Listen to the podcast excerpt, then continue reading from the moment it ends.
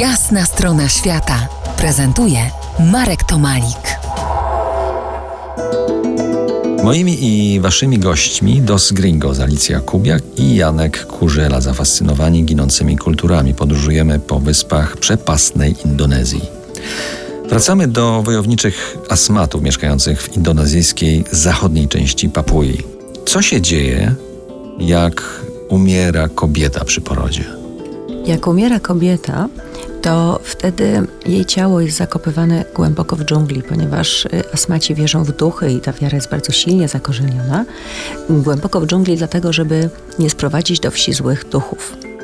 Natomiast y, zmarłe przy porodzie dziecko, jako niewinne, może już być zakopane w pobliżu swojego domu. A jak umiera wódz? O, to jest trochę bardziej skomplikowane. Jak umieram wódz, wtedy przed y, najważniejszym domem we wsi Jasmackiej jest robiona specjalna platforma, pod którą kładzie się talerze zrobione z liści bananowców.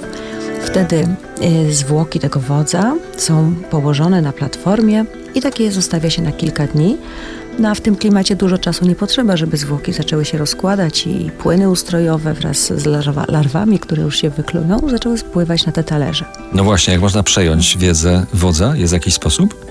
Oczywiście oni, kobiety wtedy podchodzą do tych liści, zbierają wszystko pieczołowicie i mieszają z jedzeniem. I w ten sposób asmaci wierzą, że właśnie przejmują tę mądrość i siłę tego wodza. Druga sprawa to jest jeszcze y, sprawa czaszki bo to jest bardzo istotne u asmatów. Oni czaszki swoich zmarłych zabierają do domu. Oni czyszczą, malują, y, wypełniają ziemią, ozdabiają muszelkami, koralikami. Również ozdabiają y, różnymi ozdobami, które nosił zmarły w czasie, gdy żył jeszcze i stawiają ją w domu. Wtedy uważają, że duch zmarłego uczestniczy w życiu rodziny, prawda, i opiekuje się nimi, natomiast czaszka wodza trafia do najstarszego syna. Tak samo w dzień, jak gdyby opiekuje się tą rodziną, natomiast w nocy syn y, używa jej jako poduszki i przez to przejmuje jak gdyby tą wiedzę i yy, prawda, siłę tego swojego ojca, wodza. I jeszcze tak. warto dodać jedno, bo tutaj mówimy w czasie teraźniejszym, asmaci to robią. Oni to robili zanim y, przyszli misjonarze, natomiast w tej chwili to robią w ukryciu, bo to już wiadomo, że nie do końca jest y, legalne, prawda? Ale oni swoich wierzeń się jeszcze nie wyzbyli. Ale to nie jest tak, że wszyscy tak robią oficjalnie, bo to już misjonarze i rząd indonezyjski zakazał.